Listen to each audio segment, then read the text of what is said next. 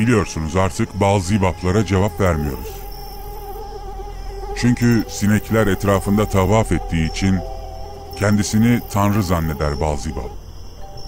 Gördüğü ilgi karşısında sineklerin tanrısı ilan etmiştir kendisini. Kıpkırmızı gözleriyle etrafında dönüp duran sinekleri büyülediğini zanneder. Evvel ezelden beri böyledir bu. Etrafında dönüp duran bu sinekler, Balzibap'tan biraz daha fazla kan emmek için kendilerini yırtıp dururlar.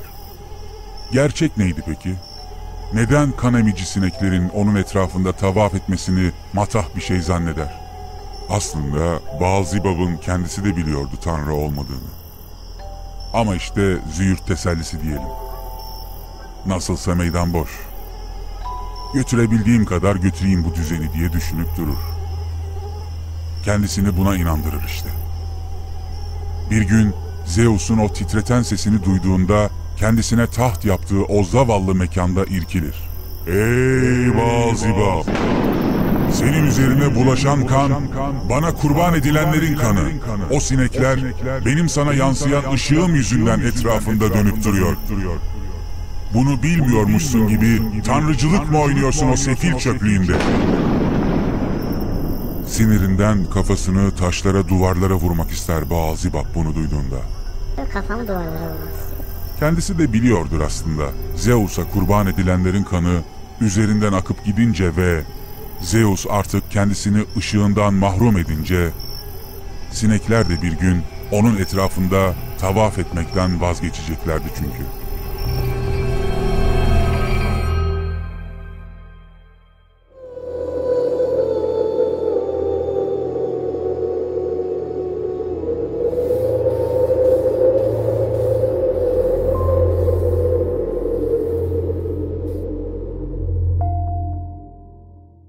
Bugün size kimi zaman kanalda yorum yapanların bilgi seviyesiyle ilgili ya da bazı videolara verdikleri tepkilerle alakalı bir durumdan bahsetmek istiyorum.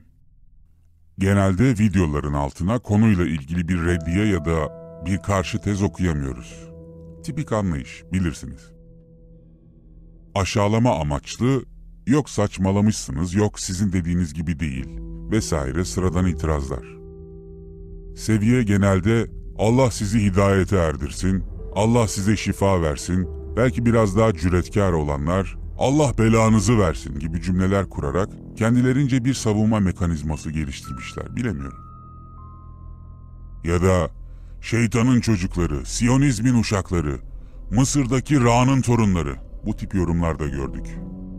Ha en eğlenceli olanlar da şu tip tepkiler. E madem bunların hepsi yalan o zaman 1400 yıl önce okuma yazma bilmeyen biri denizlerdeki tuzlu su ve tatlı suyun ayrıldığını nereden bilecekti ki gibi yorumlar. Şimdi dostlar, daha önce bahsetmiştim.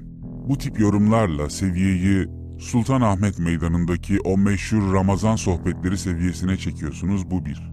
Okuma yazma bilmeyen bir ifadesine hiç girmiyorum zaten.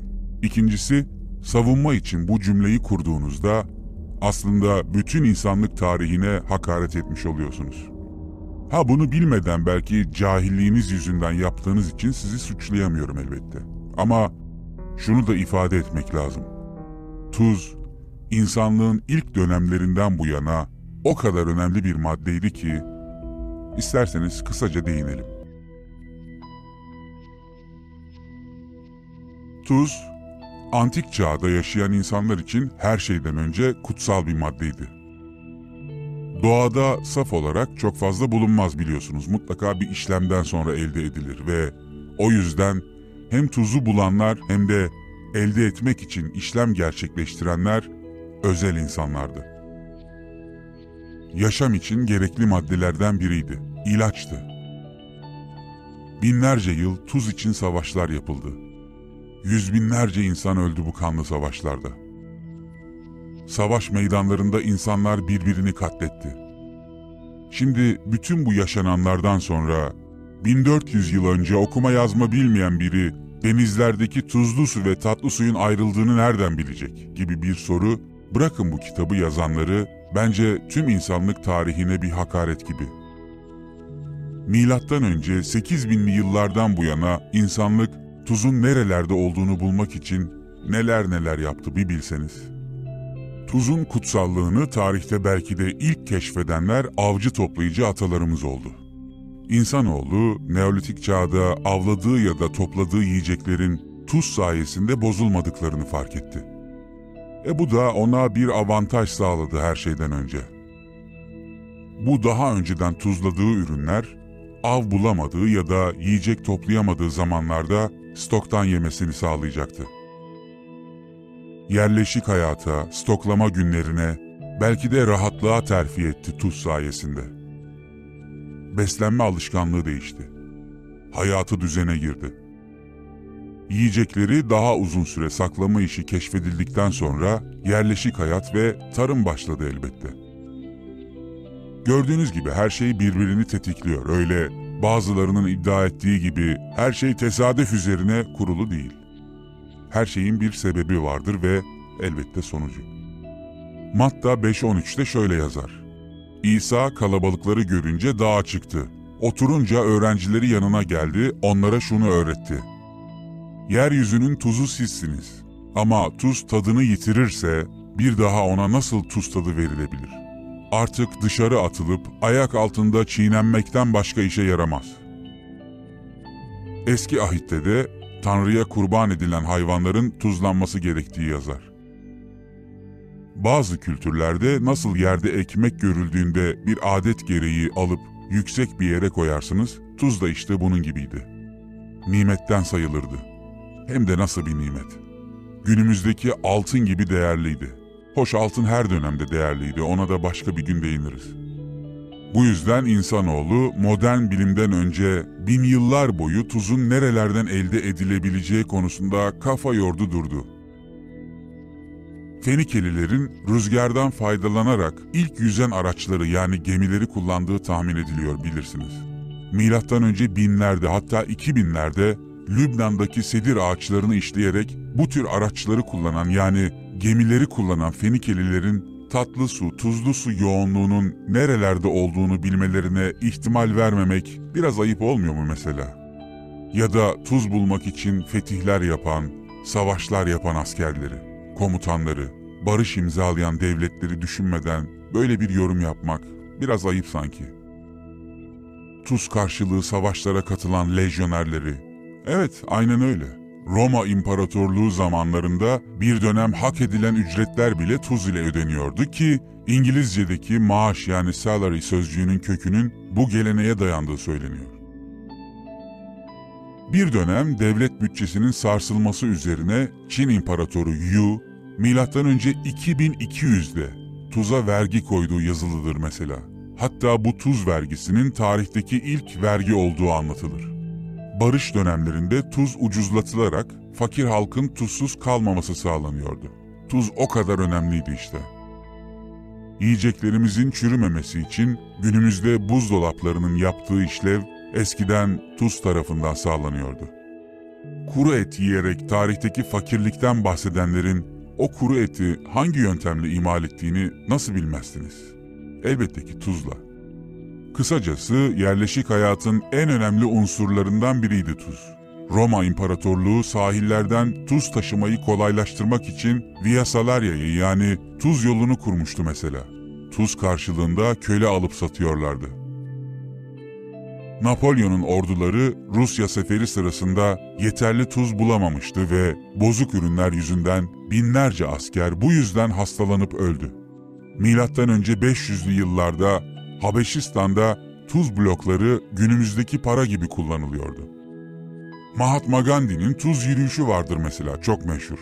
İngilizler Hindistan'da tuzdan vergi alıyordu ve bu yüzden halkın tuz üretmesini yasakladılar. Mahatma Gandhi bu yasağı delmek için büyük bir mücadele başlattı bu yürüyüşle. Yine 1500'lü yıllarda İtalya'daki Perugia kenti yarı bağımsız olduğu için tuz vergisinden muaftı. Papa 3. Paul tuz vergisi koyunca halk ayaklandı ve isyan başlattı. Papa'nın gönderdiği orduyla savaşmadılar ama Papa'yı protesto etmek için ekmeklerine tuz ilave etmeyi bıraktılar. Bugün hala bu gelenekleri devam ediyor. Ürettikleri ekmekler tuzsuz. Budizm'de tuzun kötü ruhları uzaklaştırdığına inanılıyor. O yüzden görmüşsünüzdür sumo güreşçileri maç başlamadan önce ringe tuz serperler.